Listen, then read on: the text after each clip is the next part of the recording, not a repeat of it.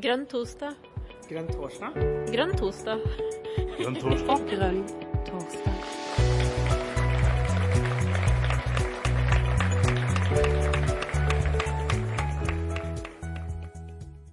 Hjertelig velkommen til eh, Grønn eh, torsdag. Eh, Vi fortsetter med førstekandidatserien vår. Og i dag så er det Tommy Reinås som er gjest. Du topper jo lista i Nord-Trøndelag, Tommy. Velkommen skal du være. Takk for det, Jonas. Ja, og du skal straks få gå i gang med ditt uh, valgte tema, som er uh, lakseoppdrett. Er du klar for det? Kjempeklar. Jepp. Det er jeg også, og det ser det ut som møtet også er. Så med det så tror jeg egentlig bare jeg kan gi deg ordet, Tommy. Den er god. Takk. Ja, velkommen til Grønn torsdag. Temaet er oppdrett. Eh, Jeg har laga en presentasjon med sikkert altfor mange slides, da, men eh, tanken er god. Tanken er å gi alle, alle skal vi si, det samme kunnskapsgrunnlaget. da. Eh, For det er snakk om å få mer kunnskap om det her temaet. da. Så da skal jeg dele skjerm med dere og kjøre show. Eh, Man snakker jo om at eh, laksen er vår nye olje. Eh, Jeg syns at sammenligninga er litt god, fordi oljen har jo forårsaka store klimapro- klimaproblemer. Og laksen kan, hvis man ikke har en politisk styring på den, så kan laksen også være særdeles miljøødeleggende. Da snakker vi selvsagt om oppdrettslaksen. For det første, norsk villaks er jo da halvert siden 80-tallet. Eh, Og vi skal se litt på eh, årsaken til det. Der har jeg en video jeg har lyst til å vise dere, som, bare viser, ja, som er bare på 1 12 minutt. Villaksen er en veldig imponerende fisk. Den er sølvblank, muskuløs og sterk. Den kan faktisk hoppe fire meter opp et fossefall. Den kan dykke 900 meter når den er i havet. Den kan bli 140 cm, like stor som en tiåring. Og den kan til og med ferdes i vann som eh, har minusgrader. Den her eh, fine villaksen her, som er en hanne, den begynte livet sitt i elva som et lite egg. Og bodde i elva fra kanskje to til fem år, litt avhengig av hvor den, hvilken elv den er fra. Og så har den her vært ute i, i havet og vokst ganske så stor. Akkurat havet er litt sånn eh, mystisk for oss ennå. Der vi vet at når den går ut som liten smolt, bare sånn 10 cm, så er predasjon eh, en av de store farene. Vi vet også at klimaendringer forandrer forholdene for laksen. Den forandrer havstrømmene og, og, økosystemet i havet. Og de her klimaendringene de virker sammen med andre menneskeskapte påvirkninger. Eh, sur nedbør, vannkraft, lakseoppdrett, eh, utslipp fra landbruk kan gjøre det vanskelig for villaksen å leve livet sitt. Hvert år så kommer det tilbake ca. 500 000 villaks. Og det her høres jo mye ut, men hvis man tenker på at det er over 400 millioner oppdrettslaks, så forstår man at det ikke er så mye. Og Det er derfor villaksen har problemer med bl.a. lakselus og oppdrettslaks. Laksen er en opportunist, og noe av det som er mest imponerende med villaksen, er at den går ut som veldig liten, bare 10 cm stor. Og eh, går helt opp til Svalbard-området og til Grønland og gjør en stor reise i havet. Og så klarer den å komme tilbake til akkurat den elva de sjøl var født i. Og av denne gytinga så blir det millioner av lakseyngel. Men kun noen få av disse millionene vil komme tilbake som voksenlaks. Så det vi da ser, er at det er en enorm biomasse. Det er snakk om 400 millioner oppdrettslaks som står i de åpne merdene eh, hvert år i Norge. Og eh, Til sammenligning da, så hadde vi da eh, kun 400 000-500 000 villaks. Eh, norsk villaks har blitt halvert siden 80-tallet. Eh, en viktig årsak er økt dødelighet pga. påslaget med, eh, med lakselus. Eh, man kan si at den enorme biomassen med den driftsformen vi har valgt, da, med åpne merder, gjør at man har en enorm produksjon av, av, lakselus, som gjør at man da har økt dødelighet på villaks. Man har da eh, forsøkt å adressere det her i et system som kalles, for, kalles for trafikklyssystemet. Det skal vi se litt nærmere på. Og Det er siste videoen i dag, men eh, ja. Oppdrettslaks og villaks, kan de leve sammen? Fiskeriministeren har akkurat bestemt hvor i Norge det skal bli mer oppdrett. Dette får alvorlige følger for villaksene våre. Oppdrettslaks produseres i åpne anlegg i fjordene våre. Parasitten lakselus sprer seg derfor fritt i vannet. Om det blir mange lus, dreper den de ville lakseungene som svømmer forbi. Fordi lakselusa allerede dreper mellom 10 og 30% av alle de ville lakseungene, blir det ikke noe økning i oppdrett på Vestlandet. I to av sonene på Vestlandet er det allerede så ille at oppdretterne kan bli pålagt å redusere produksjonen.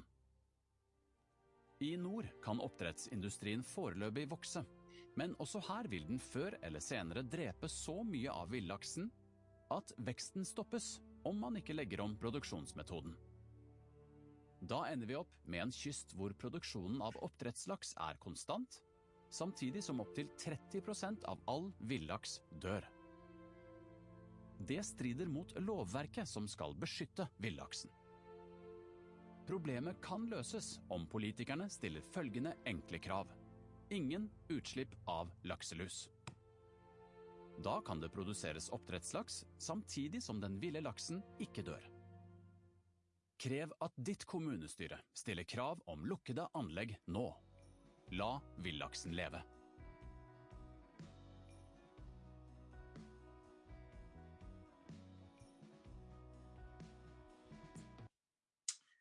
Ok, så vi har da et system eh, som da eh, har kun én miljøindikator. Eh, og det er da eh, lakselusa sin dødelighet på villaks. Eh, for det første så er jo da trafikklyssystemet ikke bra nok. For at det har kun den ene indikatoren, og det er da som sagt lakselusas dødelighet på villfisk. Spørsmålet er jo da følger man det systemet som man da allerede har eh, fått på plass. Nei, er svaret. Eh, det første vi ser etter at systemet kom på plass, det var jo da at eh, statsråd, eh, den gangen fiskeriminister Sandberg, omgjorde, omgjorde de faglige rådene. Eh, eksempelvis her i, Nord-Trøndelag så skulle eh, det området være gult, men han gjorde, gjorde om det politisk, gjorde om en, en faglig anbefaling, vitenskapelig anbefaling, Eh, et ekspertråd hvor man sa at produksjonsområdet Nord-Trøndelag skulle være gult, om til grønt. Det vi også ser, er at trafikklyssystemet fanger da ikke opp alt som er viktig i forhold til naturmangfold. Eh, trafikklyssystemet fanger ikke opp rømming, som vi kommer litt tilbake til. Eh, hvorfor er lakserømming eh, eh negativt? Det fanger ikke opp den enorme forurensninga som de her åpne oppdrettsmerdene står for. Det fanger ikke opp dødeligheten på den lokale sjøretten. Eh, systemet fanger ikke opp dødelighet på reker, eh, kreps, hummer, eh, krabbe osv. Men man har kun da fokus på den koblinga mellom lakselus og dødelighet på villaks. Her ser vi en, en animasjon som viser hvordan luselarver transporteres inn over inn over en, en fjord, et fjordsystem. Så fordi om de her oppdrettsanleggene er lokalisert ved kysten, så er det naturligvis pga. flo og fjære og, og, og, og havstrømmene, eh, så er det da transportering av de her luselarvene som da gir et negativt eh, og en, et, et økt, en økt dødelighet da, på både sjøørret og på, eh, på laksesmolten, som går ut i ja, eh, april-mai, når den er bare en 10 cm. Og det vi har erfart, er jo det at eh, når eh, en laksesmolt, en lakseunge, da, får bare én eller to lakselus på seg, så er det nok til at lakse, laksen kan dø. Eh, vi har til og med tall fra NINA som viser når det gjelder Trondheimsfjorden, at når laksesmolten vandrer ut fra Trondheimsfjorden i april-mai og skal ut forbi Hitra-Frøya, så møter den en vegg av lakselus. Og da opplever vi tall eh, hvor eh, opptil opp 70% av laksesmolten dør. Trafikklyssystemet er kort oppsummert Du kan få vekst i produksjonen hvis dødeligheten på laksen er mindre enn 10% Så vi kan si at vi har en industri som har lov til å ha en dødelighet på sine omgivelser. Så vi tillater politisk, velsigner politisk, at hvis én av ti laks dør pga. lakselus, eh, forårsaka av oppdretten, eh, så er det greit. Da kan du ha en vekst i produksjonen. Gul det betyr at eh, hvis det er mellom 10 til 30 og så at én av tre laks dør som følge av lakselus, så er det ingen endring i produksjonen. Da kan du beholde den biomassen, altså antallet oppdrettslaks i merdene. Og Det er ganske oppsiktsvekkende, oppsiktsvekkende hvis vi tenker over det, at vi har et kontrollsystem, et kontrollregime, som tillater at én av tre villaks dør. Og du trenger ikke å være biolog for å forstå at det betyr egentlig at villaksen er dødsdømt. Det er ikke sånn at villaksen kan overleve med 30% dødelighet, som altså økt, økt, dødelighet i tillegg til det andre truslene som villaksen står overfor. Så egentlig så kan vi si at trafikklyssystemet, fall ut fra min eh, oppfatning og ståsted og erfaring, er et system hvor vi har bestemt at norsk villaks ikke har en framtid. Rød betyr at hvis du da har over 30% dødelighet på villaksen, så må du da få, eh, ta ned biomassen, eller antallet oppdrettslaks. Og Man skulle jo tro at det her isolert sett var en, uh, et framskritt. i forhold til å få litt bedre kontroll på oppdrettsnæringa. Og ja, hvis man hadde fulgt de faglige rådene, så hadde det vært faktisk et framskritt. Men når vi ser at de faglige rådene ikke blir fulgt, så spenner jo det beina litt under intensjonen til trafikklyssystemet. Vi ser også det at eh, de her åpne oppdrettsmerdene, eller som det som jeg kaller det for åpne fjøs, Eh, de, de, altså vi har systematisk bygd ned naturens egen evne til å reprodusere seg. Hvis dere ser foran dere, ser foran dere et norgeskart med kysten, eh, så tar vi da først et kart med oppdrettslokaliteter, og så tar vi deretter og legger et kart med gytefelt, så vil vi se at de to kartene sammen, sammenfeller. Så veldig ofte så ligger oppdrettsanlegg nært et gytefelt eller oppå et gytefelt for villfisk. Dette er det liten bevissthet om, både i politikken og selvfølgelig blant folk flest. Så vet man ikke det at man har i flere tiår bygd ned Norges egen evne til å produsere la oss si kysttorsk. Eller for den saks skyld reker. Her er et eksempel fra Miljødirektoratet. Det er noen eksempler jeg tok fra Rogaland og Hordaland her, hvor vi da har oppdrettslokaliteter som overlapper eh, verifisert da, gytefelt for torsk, f.eks. Dette har gått under radaren, mener jeg, både, både, i det politiske miljøet og ikke minst blant folk flest. Her har vi et kart fra Nordland. Eh, dere ser den grønne skraveringa. Det er da gytefelt. Og de røde prikkene er da oppdrettsanlegg. Og Der ser vi at eh, man tar jo ikke hensyn til at det er et gytefelt. Man anlegger gjerne et åpent oppdrettsanlegg som har stor negativ innvirkning på hva skal vi si, vannøkologien. Ehm, så det, det er ganske hårreisende, spør du meg. Eh, vi vet jo at det er 200 000 laks i bare én oppdrettsmerd. Eh, og det er jo en enorm, enorm masse. Eh, når vi da til sammenligning vet at vi har bare en 400 000-500 000 oppdretts... Nei, 400 000-500 000 villaks i Norge. Så klart, når vi da får rømning, så ser vi litt forholdet. Så det vil si at når vi da får en rømning et år på 130 000-200 000, lakserømninger, så tilsvarer jo det ca. halvparten av norsk villaks.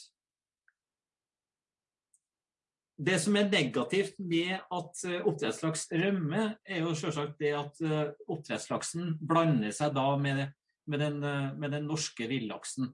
Hver lakseelv har sin genetikk.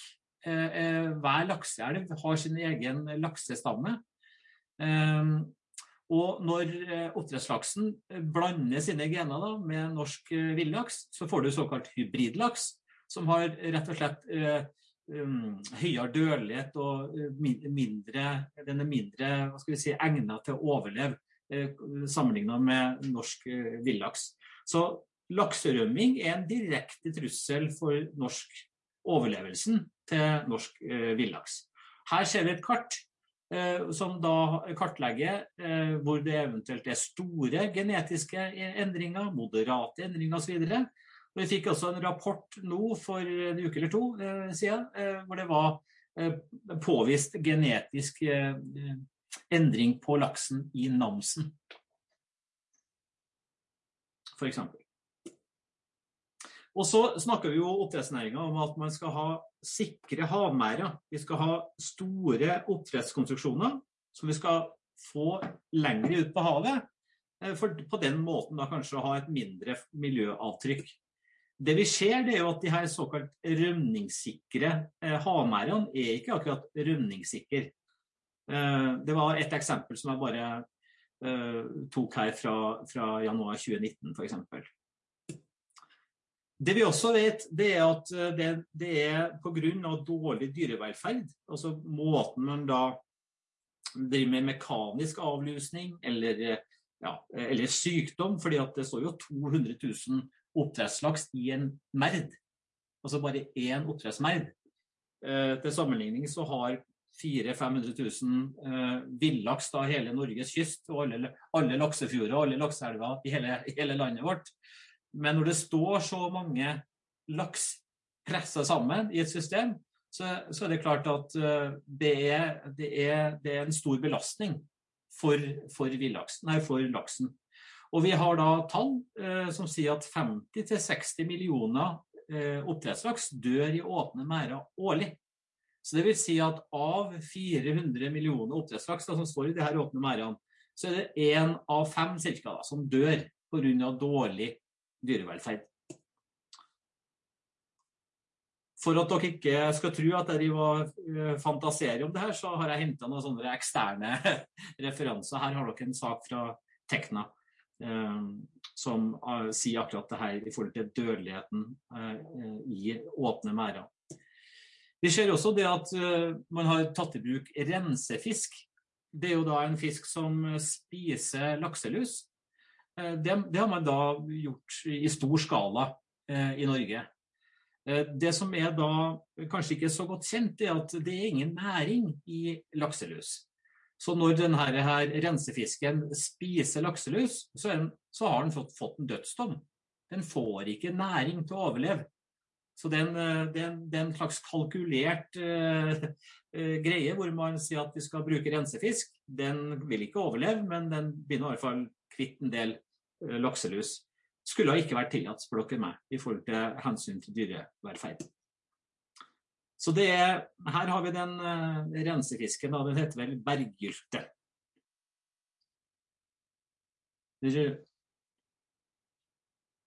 Rognkjeks heter den kanskje. Ja.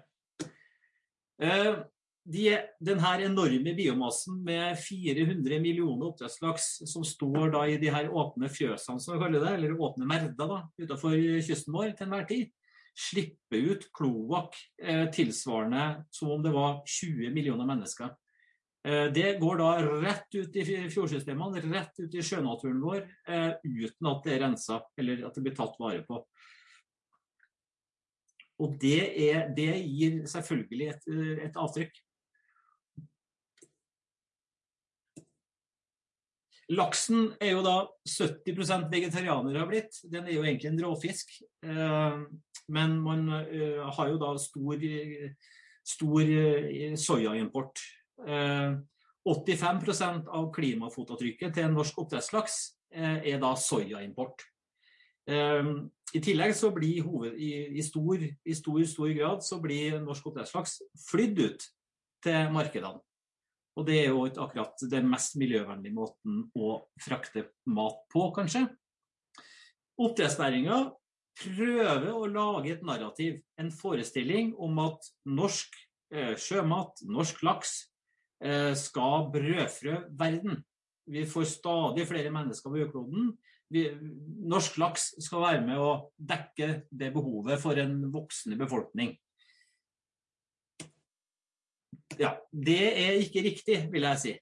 Det er et narrativ. Det er, det er, like, det er like, dårlig historie som historien som fortelles av norsk eh, olje og gass om at norsk olje er ren.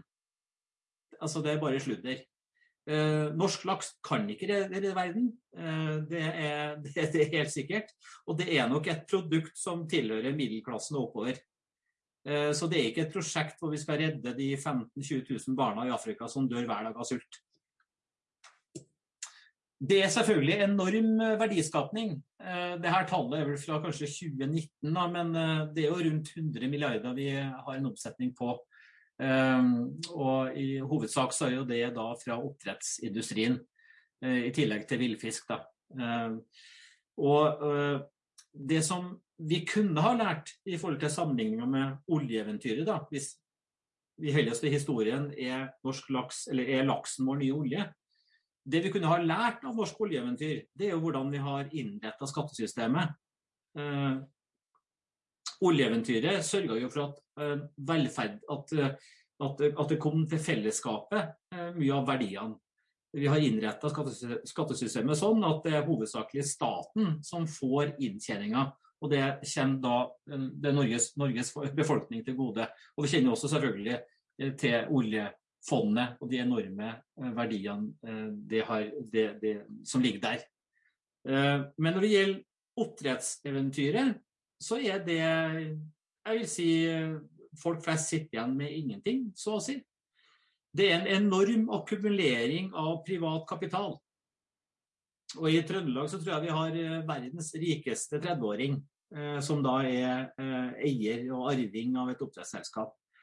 Eh, grunnen til at jeg nevner det, er jo det at jeg mener at vi har ikke lyktes i forhold til innretninga når det gjelder skatter og avgifter mot denne næringa. Det skulle ha vært sånn at det er fellesskapet som skal tjene penger på at fellesskapets natur blir tatt i bruk. For det er vår, det er vår sjønatur, det er vår hva skal vi si, allmenning, det er fellesskapets eie, de her, de her sjøområdene. Det er ikke privat eid. Og bare én ting til i forhold til historien om at eh, skal norsk laks redde verden. For det, det er et narrativ som har blitt prøvd fortalt. Eh, eh, da vil jeg bare si, som jeg bruker å si i denne, den sammenhengen nå, det er at vi er jo i dag 7,5 milliard mennesker på jordkloden. Men vi produserer mat nok til å brødfø 12,5 milliard mennesker dag, med dagens matproduksjon. Problemet er jo at vi ikke har en god nok fordeling. Problemet er jo at i vår del av verden så er eh, skal vi si, slankeindustrien big business eh, og overforbruk. Problemet er jo at, eh, er det, at 20% av verdens befolkning bruker 80% av ressursene. Så problemet er ikke at vi ikke har nok mat på jordkloden. MDG, vi tar jo kampen. Noen historier. Dette er jo en historie om slaget om Lønngrunn på, på, på Ørlandet. Der hadde vi et samarbeid med SV, da. Eh, hvor vi hadde en demonstrasjon. Eh, vi var jo ja, det var jo mange, da. 30-40 stykker ut på Løngrunn, ut i båter og demonstrert. Eh, Dette var da i november 2019. Her hadde da et oppdrettsselskap ønske om å anlegge et oppdrettsanlegg på et av de beste fiskeområdene innaskjærs, og på, i et gytefelt for torsk. Eh, i en vandringsvei for villaks og i nærheten av et rekefelt. Eh, nå er det også sånn at Fylkeskommunen godkjenner de her oppdrettslokalitetene, og eh, søknaden ble selvfølgelig godkjent av de grå partiene. Vi ble ganske alene i ordskiftet, selvsagt sammen med, med SV. Vi ble ganske alene i ordskiftet når det gjelder å si at natur naturen har en egenverdi, uh, gytefeltet har en verdi, uh, villaksen har en verdi. Og det var en litt spesiell sak, for at vi hadde jo da lokalbefolkninga på vår side. Lokalt næringsliv var på vår side, lokalbefolkninga var på vår side. Men i det offentlige ordskiftet, når, skulle, når fylkeskommunen skulle gjøre et vedtak i saka, så tok ikke de grå partiene ordet. De forklarte ikke hvorfor de ønska egentlig et oppdrettsanlegg eh, i dette området. Men eh, vi kjenner til mønsteret. Mønsteret er at hver gang eh, det er sånn at man skal bygge ned natur, enten det er på land eller um, til sjøs, så er det sånn at hensynet til industri, verdiskapning, sysselsetting veier høyere enn naturens egenverdi. Eh, så man kan jo egentlig påstå at uh, oppdrettsindustrien har eh, blankofullmakt til å rasere gytefelt og rekefelt. Det er ingen som protesterer. Det er ingen som protesterer når, når, når Altså i motsetning til oss, da. Men de etablerte styringspartiene protesterer ikke. Og så er det dessverre en lav hva skal vi si, bevissthet blant folk flest i forhold til kjennskapen omkring det. Men jeg tror nok at på samme måte som at eh, det har blitt en stor folkelig motstand mot vindkraft på land, så tror jeg og har håp om at en gang i nær framtid så vil det også bli en, en, en, en, hva skal vi si, en folke, eh, folkelig motstand mot denne type nedbygging av fellesskapets natur. Og jeg tror f.eks. Når, når det går opp for folk flest at vi er i ferd med for den saks skyld i den ytterste konsekvens å utrydde rekeren, så kan det hende at folk flest reagerer. Her er det et settefiskanlegg som er planlagt, planlagt eh, i, innerst inn i en nasjonal laksefjord, altså Trondheimsfjorden. Um, og man har et utslippspunkt. Det skal da bli verdens største settefiskanlegg. Eh, et utslippspunkt fra det settefiskanlegget rett i et gytefelt for torsk.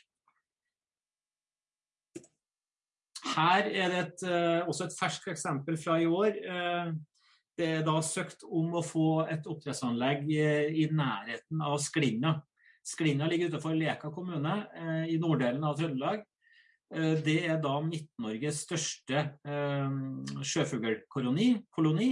Og så er da det her da internasjonalt, internasjonalt viktig område, fordi det er da et av Europas største toppskarvkolonier. Eh, I denne saken så håper vi at eh, Miljødirektoratet, kommer på banen eh, og utvider naturreservatet i nærheten, sånn at vi kan få berga det viktige området for sjøfugl for framtida. Sjøl så spiser jeg ikke oppdrettslaks. Det er noe med det at når du får mye kunnskap om det fotavtrykket til denne næringa, så er det sånn at du har ikke lyst på å spise oppdrettslaks, rett og slett. og ja, soya og fisk. Altså, det er jo enorme mengder fôr man trenger. Eh, vi skal også være klar over at de store styringspartiene har ambisjoner om å doble, tredoble, firedoble og til og med femdoble denne bransjen, som allerede har et så stort negativt eh, fotavtrykk. Her har vi et eksempel på en, en fiskeart som er en næringsbombe, eh, som eh, blir til fiske- og dyrefôr i stedet for å havne på tallerkenen til eh, kriserammede fattige. Vi importerer eh, om lag 73 000 tonn fiskemel og fiskeolje fra Peru i 2019. Eh, og da sier en biolog her at eh, for å få altså det kreves da fire kilo fisk for å produsere ett kilo fiskemel. Det betyr at importen fra Peru i 2019 i realiteten krevde om lag 294 500 tonn fisk for å få det her fiskemelet. Det er så store mengder. Vi, altså, vi har ikke nok, har ikke nok, nok uh, fisk i havet til å doble eller tredoble denne bransjen. Det går ikke, det henger ikke på grep. Lukkede anlegg, det er jo det som uh, vi ønsker. Eh, og da har jeg bare lyst til å vise dere at det er jo da foreslått fra program, program, programkomiteen eh, at MDG skal ta til orde for at vi skal ha eh, lukka anlegg fra 2030. Lukka, lukka anlegg betyr jo da null Ops. Null lus, null utslipp og null rømming. Det som jeg har foreslått på vegne, ja, på vegne av meg sjøl og flere, det er, det er, da at vi må være litt mer ambisiøse. Ti år er jo en evighet. Når vi da har så mye kunnskap om denne bransjen i forhold til det negative avtrykket og, og dødeligheten på, på reker, krabbe, hummer, sjøørret, villaks. Vi, vi, vi, kan ikke i en tid med naturkrise være så tålmodig at vi skal vente i ti år før vi skal sette krav om lukka anlegg. Jeg vet at bransjen er i stand til å levere lukka anlegg. Det bygges lukka anlegg i dag, både i Norge og utlandet. Det som vil være, det vil nok være sånn at oppdrettsindustrien vil først protestere på at det her betyr dårligere marginer, dårligere lønnsomhet, og kanskje vi må flytte til utlandet. Så de vil først protestere, og så vil de deretter hive seg rundt. Oppdrettsindustrien i Norge mangler ikke innovasjonsevne, innovasjonskraft, endringskraft eller kapital, for å si det sånn. Så jeg oppfordrer alle MDG-ere til å stemme for mitt forslag om at vi må få lukka den her, eh, lukka den her og en, også satt politiske krav til industrien som gjør at de kan ha et lavere fotavtrykk. Det er mange muligheter. Vi kan som parti si at vi må lukke anleggene. Vi, kan ikke, vi tillater ikke de her åpne fjøsene, som jeg kaller det. Vi kan også peke på et enormt, hva skal vi si, et enormt mulighetsrom da, i forhold til fôrproduksjon i sjøen. Det er fullt mulig å eh, produsere med dagens biomasse. Så det er fullt mulig å produsere eh, hva skal vi si, norsk, norske proteiner til, den, til det fôrbehovet vi har til norsk landbruk og norsk eh, oppdrettsindustri, tro det eller ei. Det ligger et enormt eventyr foran oss i forhold til akkurat det. For det går på produksjon av tunikata, det går på produksjon av tang og tare, av blåskjell og mer. Og det er enorme muligheter på det. Det er et selskap i Trøndelag nå som er på å lokalisere seg, eller etablere seg ved Norske Skog. Hvor de skal hente karbon, karbonfangst fra Norske Skog og gjenbruke mye av prosessvarmen for å dyrke tunikata i sjøen. Tunikata er snedig, en snedig sak, for den produserer cellulose og proteiner. Vi kan også kreve elektrifisering av de her åpne oppdrettsmerdene. Enkelte, eh, enkelte oppdrettsanlegg er allerede i dag elektrifisert, fordi Enova hadde en ordning hvor de fikk tilskudd. Jeg har vært i dialog med flere av de her store aktørene og spurt hvorfor gjør dere ikke det på alle anlegg. Det er jo klart at det er jo bra for miljøet og bra for omdømmet, og hvorfor gjør dere, gjør dere, det ikke?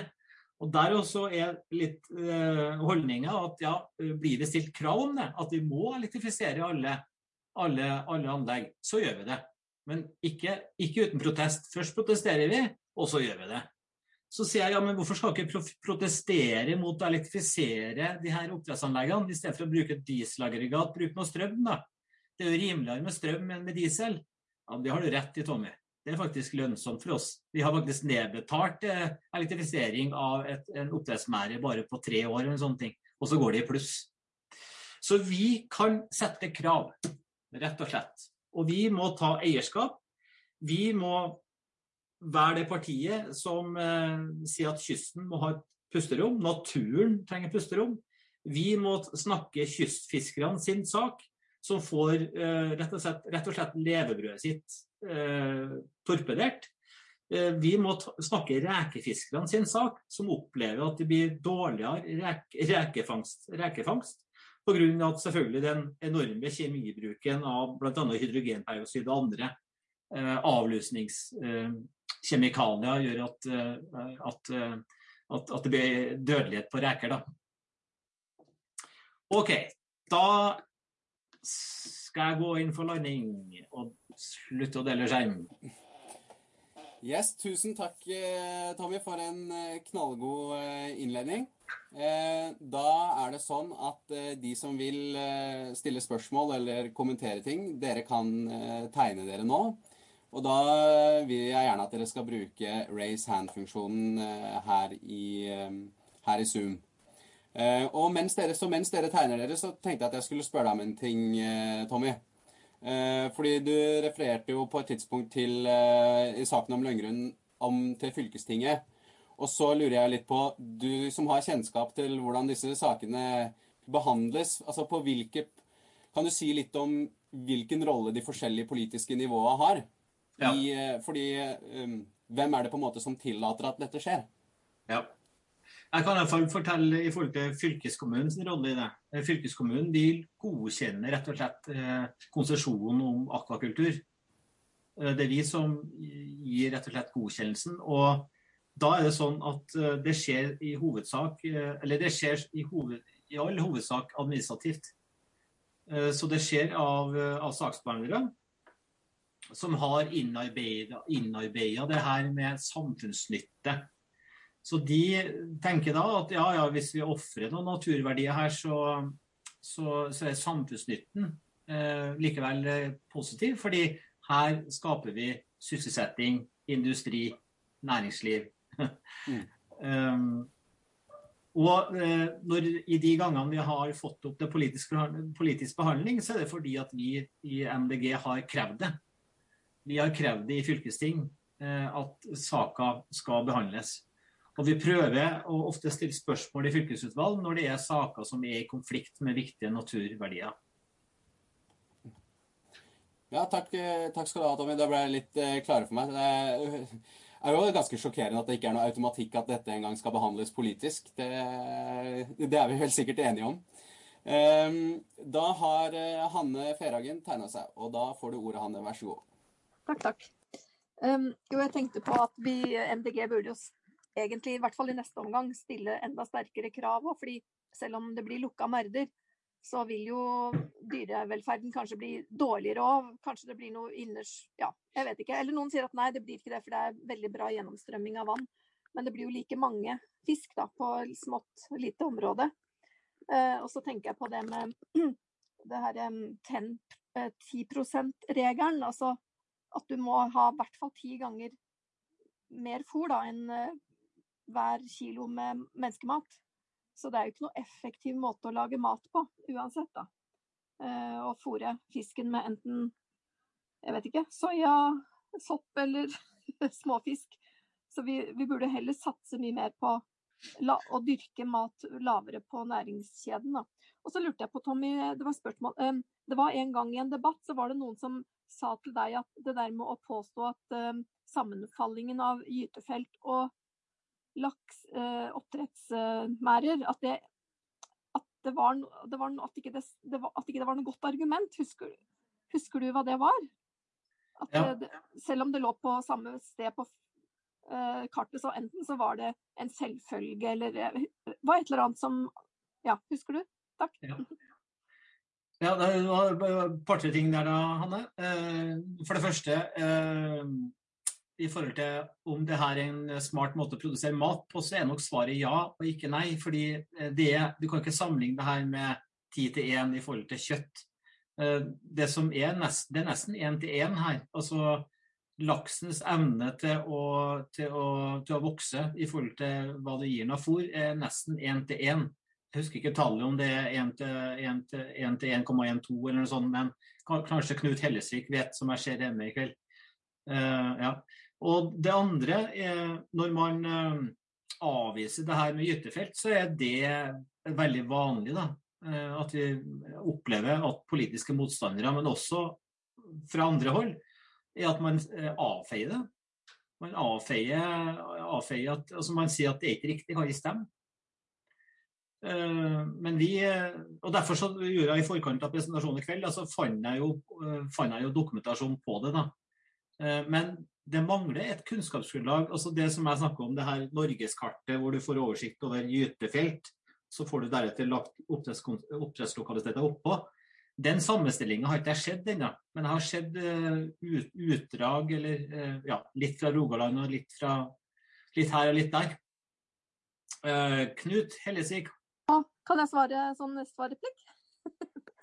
Det, det kan du få lov til, men jeg tenker at i og med at Knut har blitt, fått en direkte henvendelse, så syns jeg han skal få lov til å si noe også. Det var dette fòrforholdet. Altså Når de produserer pelletslaks, så går det seks eh, fôrenheter for å få én pelletsenhet. Og Når de snakker om eh, hvordan laksen utnytter dette, så tar de utgangspunktet i pellets og sier at én pellets gir én eh, matenhet. Så de sier at det er én til én. Men faktum fra råttfôr og til laks, så er det seks til én. OK. Se der, ja. Her sitter vi med kunnskapen. Ja, men da er det noenlunde riktig det du sa, da, Hanne. Ja, det var en svarreplikk. For jeg, rett, eh, jeg har nemlig googla, og det er som heter FCR, da, Feed Conversion Ratio. På fisk så er det ca. det samme som kylling, da. Eh, så det er mer effektivt enn gris og ku. Og her, så, der jeg fant det, så er det én til ti, da. Akkurat som på kjøtt, liksom, cirka. Takk. Ja.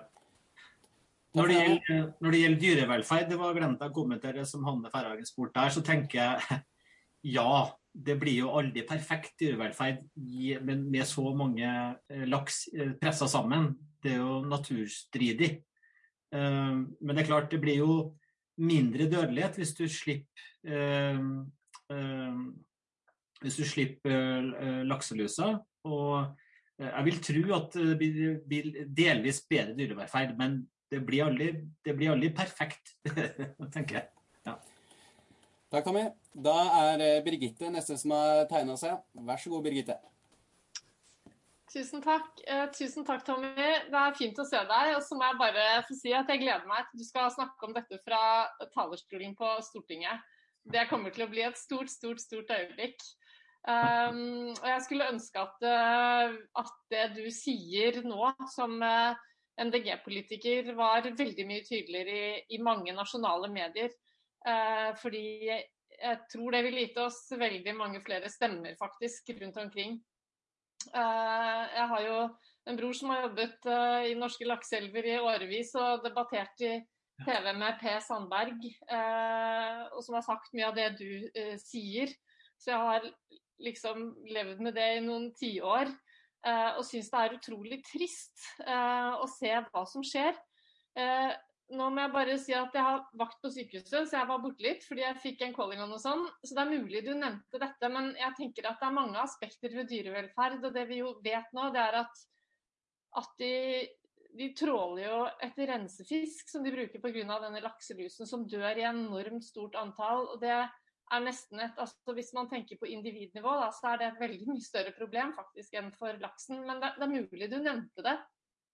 Ja, jeg nevnte det. det. Jeg nevnte at det er 50 millioner rensefisk som dør årlig. Dvs. Si 120 000 hver dag. Ja. ja.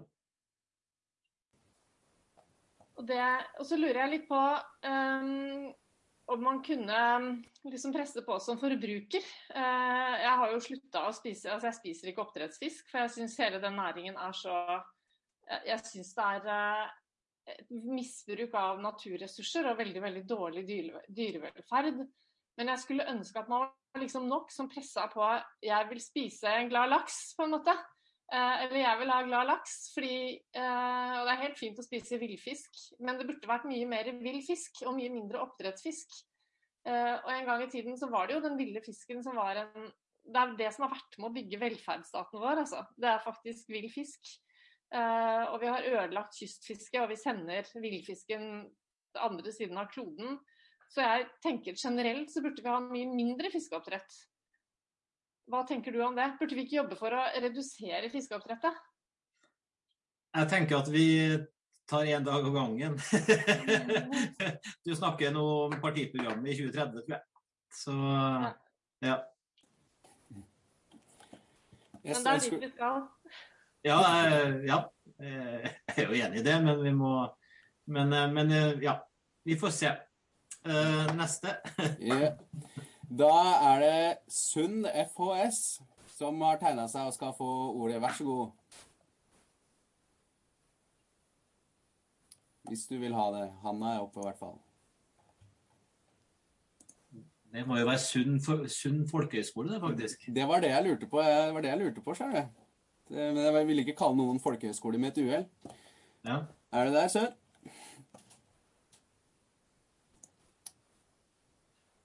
Det høres ikke sånn ut, så da tror jeg vi går eh, videre. Og da er det Barbara som har bedt om ordet. Vær så god. Ja, supert. Nå er det møte, Barbara. Ja, det er fortsatt. Er jeg her. Jeg uh, skal bare si tusen takk for en, uh, et veldig fint foredrag som jeg dumt nok kom litt for seint inn. Så jeg har ikke noe konkret spørsmål til deg, men det kom et spørsmål om hvor i systemet disse konsesjonene blir gitt. Og Det er riktig det du sa, at det er på forvaltningsnivå i fylket. Men det er også veldig viktig å huske at et av de viktigste virkemidlene man har, det er kystsoneplanen. Og den eh, lages jo i, på, på kommunalt nivå. Så um, og har man en gang åpnet et område for oppdrett, så er det fritt frem å søke om konsesjon, og da får man stort sett også konsesjon. Men dersom man begrenser seg, dersom kommunene er veldig restriktive med å legge ut områder til oppdrett, avsette områder til oppdrett, så blir det mye vanskeligere. Og man kan også kreve at all oppdrett eller ja, alt, all oppdrett uh, har som forutsetning en uh, reguleringsplan. Og da har man alle disse høringsrunder og politiske behandlinger osv. Så, videre. så jeg tenker eh, konsesjonene formelt sett blir gitt på et annet nivå. Men den, eh, eh, tillatelsen som ligger i bunn, den blir gitt på, på kommunalt nivå.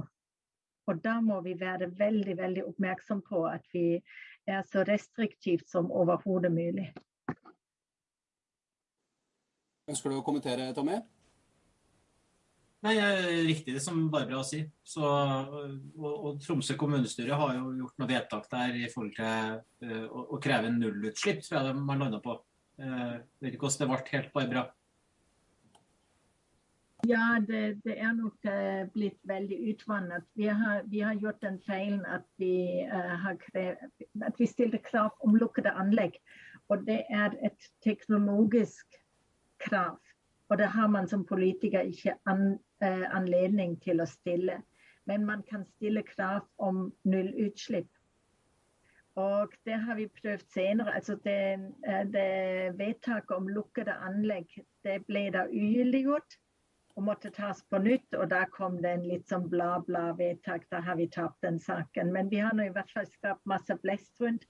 Og eh, vi jobber nå igjen med kystsoneplan, så det er veldig spennende å se om vi får noe inn der.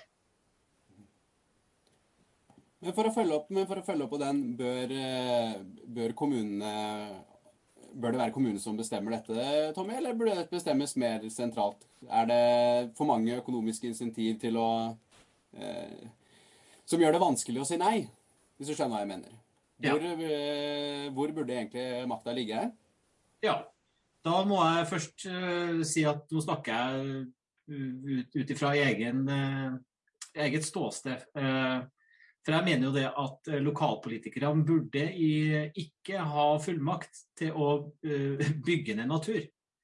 Altså Enten det er oppdrettsanlegg eller det er et vindkraftprosjekt, eller hva det skal være, så tenker jeg at man kan ikke bruke demokratiaspektet til å si at jeg som lokalpolitiker skal ha rett til å bygge ned natur.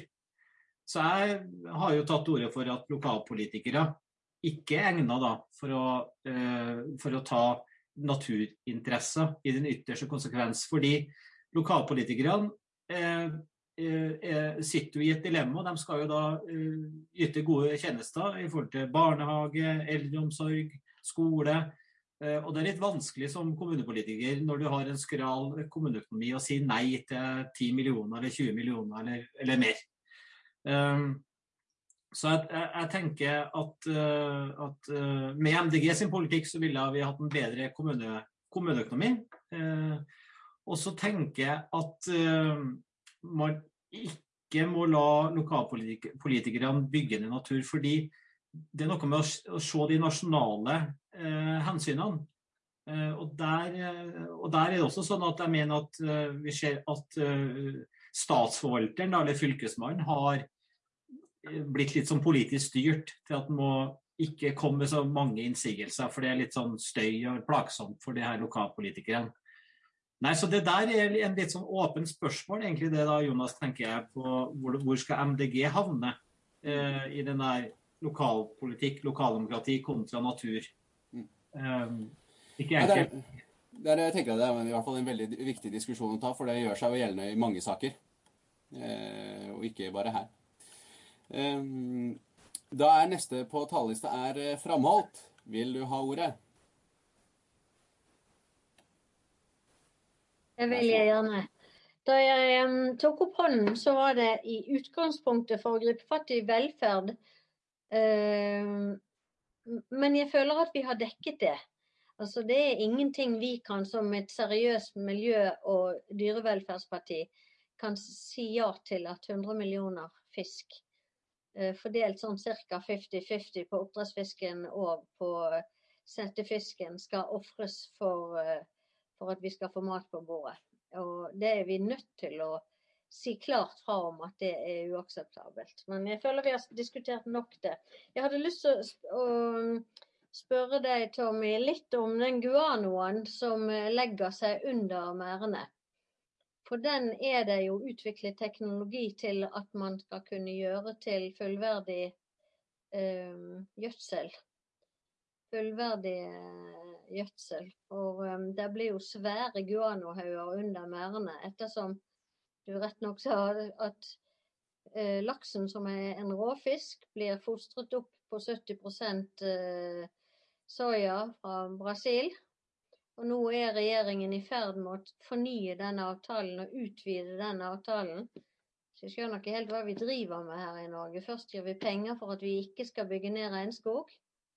Og så, når vi har bygd ned regnskogen og de har begynt å dyrke soya der nede, så har vi gått inn i nye utvidede bilaterale avtaler for at vi skal da kjøpe tilbake den soyaen som dyrket på regnskogen som hugget ned. Og dette vet ikke folk. Så det mm, har vi også en, en jobb å gjøre med å si noe om. Um, så, um, så dette med guanoen er det faktisk mulig å bruke. Og det, jeg vet ikke om, jeg, om, du har noen tanker om det, om du kan si noe om det. Så det er en liten ting som gikk på De som vil lese mer om dette, må gå inn på akbareforma.no. For vi har jo i våre egne rekker en verdenspatent på uh, fiskeføde som er ikke soyabasert. Den er på rent maritim uh, mat som er brukbart både til uh, fiskemat og også til annen dyremat. Eh, og det er store problemer med å komme inn på markedet fordi det er så billig på denne soyaen, som er så subsidiert fra, fra myndighetenes side. Så, men gå inn på Aqua Reforma og les det som ligger på, på nettet. Så um, er det en del å hente på, på informasjon der. Den siste lille tingen jeg vil inn på, det er dette her at um, når, når nå, eh, hvordan skal man gripe det an med Hvor skal de vokse hen, disse oppdrettsmerdene? Vi ser jo at det er blitt gitt hele fjorder som er blitt ringet inn og bombet til det ugjenkjennelige for å lage et lukket anlegg, men det er ingen natur igjen. Og det er jo også helt forferdelig. Det var litt av hvert fra Bergen. Og ellers så må jeg bare si at vi i Bergen sitter med utrolig mye kompetanse. Vi har jo Movi her. Vi har Per Grieg. Jeg leste akkurat om at Per Grieg i morgen nå flagger ut uh, og uh, etablerer seg stort i Japan. For da slipper han å få så mye uh, innsigelser mot å drive sånn som han vil. Så han jo, åpner jo i disse dager svært lakseoppdrett i, i Japan. Ja. Yes. Takk for det. Vil du kommentere, Tommy? Ja, det var, jeg synes vi kan, det, det, var et innlegg det fra Framhold. Framifra innlegget av Framhold. Så jeg tenker det, det, det var meningsbærende i seg sjøl. Mm. Uh, så jeg tenker, ja. så jeg tenker nesten, hvem, hvem er neste? Eh, Mark har eh, bedt om ordet, og det skal han få. Vær så god. Ja, takk, og takk for et godt uh, foredrag, Tommy. Uh, så jeg bør ta opp dette med eh, landbasert eh, lukkeanlegg og så mot eh, det, det, det, det, som er i sjøen, altså flytende anlegg.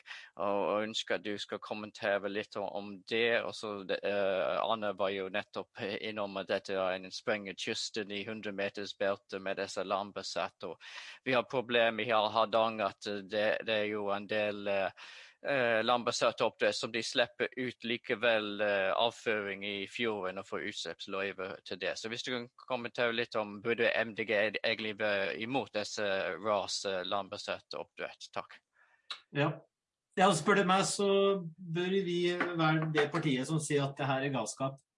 Uh, fordi altså, Norge er jo, vi jo privilegert som har så mye sjøareal. Så når, når det gjelder å omlegge næringa til å bli framtidsrettet og bærekraftig, så må det være lukka anlegg i sjø. Eh, nå er ikke jeg ingeniør eller teknolog sjøl, men eh, det, det, må være en, en, en, energisløsing når du skal da eventuelt pumpe vann ut og inn fra land og ned i sjøen. Eh, og det er et, et energiregnskap der som krever da enda mer vindmøller og enda mer av alt. Så det er jo absolutt en form for grønnvasking. Og det er klart at enkelte politikere vil da si at ja, men her har vi en forretningsmulighet, et såkalt Her har vi grønn mat, og vi skal redde verden. men det er jo en misforstått forståelse av den tid vi lever i. Så eh, det å i forhold til arealkonflikten, i forhold til at vi nå skal ikke bygge ned mer natur, så må ikke vi da begynne å åpne opp for lukka anlegg på land. Eh, når vi nå har mer enn nok med å kjempe mot eh, vindmøller som bygger ned norsk natur. Ønsker du å følge opp, eh, Mark? nei takk, det var et godt svar. da går vi videre på lista, og da er det Gunn Kari Hygen som har tegna seg. Vær så god. Ordet er ditt. Ja, takk for det. Takk for flott foredrag. Et par refleksjoner først. Det ene, hvis du drar oppover langs nordlandskysten, så ser du hvor viktig havbruksnæringen er for sysselsetting, arbeidsplasser og verdiskaping langs kysten. Jeg holdt på å si noen år siden sa jeg at den har redda kysten. Og så den andre refleksjonen er jo hvor billig denne næringen her har sluppet unna med hensyn til hvordan de kunne ha operert og fått fram nå har jeg veldig tro på at man må i dialog med næring for å få de store endringene. Og det er greit hva myndigheter kan gjøre og restriksjoner, men og hvis det er slik som lederen for Aquagroup i Rørvik i Nord-Trøndelag sa til meg her i høst, som du kjenner godt, Tommy, at det er en ny generasjon ledere kommet inn i havbruksnæringa nå som, er, som har en mye mer forståelse for hvordan måte de må operere på. Kan du kommentere på det, Tommy, at den nye generasjonen ledere i havbruksnæringa som forstår at de er nødt til å, å rydde opp i miljøproblemene sine? Takk. Ja. Det var, kan jeg svare på. Eh, veldig interessant, fordi det virker som at eh, de, de, politiske beslutningstagerne henger etter. Etter. Mm. Det har oppstått et slags vakuum mellom hva skal vi si, innovasjonsevnen og iveren og, og forståelsen, og ikke minst eh, hvor endringsvillig denne næringa er. For det er jo deres egen interesse. og Eksempelvis så vet vi jo at eh, organisasjonen Norsk Industri laga jo et veikart for norsk, for norsk oppdrettsnæring for et par år siden, som heter Tre ganger null. Eh, og norsk industri kan jo ikke beskyldes for å være eh, et, et, et avdelingskontor til MDG. Skulle si. Men norsk industri de jobber jo for industriens beste. Eh, og jeg tror at, eller jeg vet, at hvis, hvis, hvis politikken får lov til å sette krav her, så, så er egentlig næringslivet positivt til det. Eh, så jeg tror at det blir en sånn bjørnetjeneste at man eh, har eh, litt sånn Texas-tilstand, eller det er sånn det er litt sånn fortsatt at næringa her slipper unna, altså. Uten å bli stilt krav til.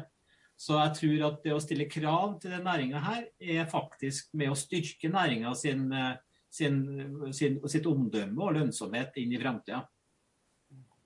Ja. Ønsker du å følge opp, Gunn Kari? Den er god. Da går vi videre på eh, lista. Og eh, Karstein har tegna seg. Han har ikke hatt ordet, så det skal han få. Vær så god.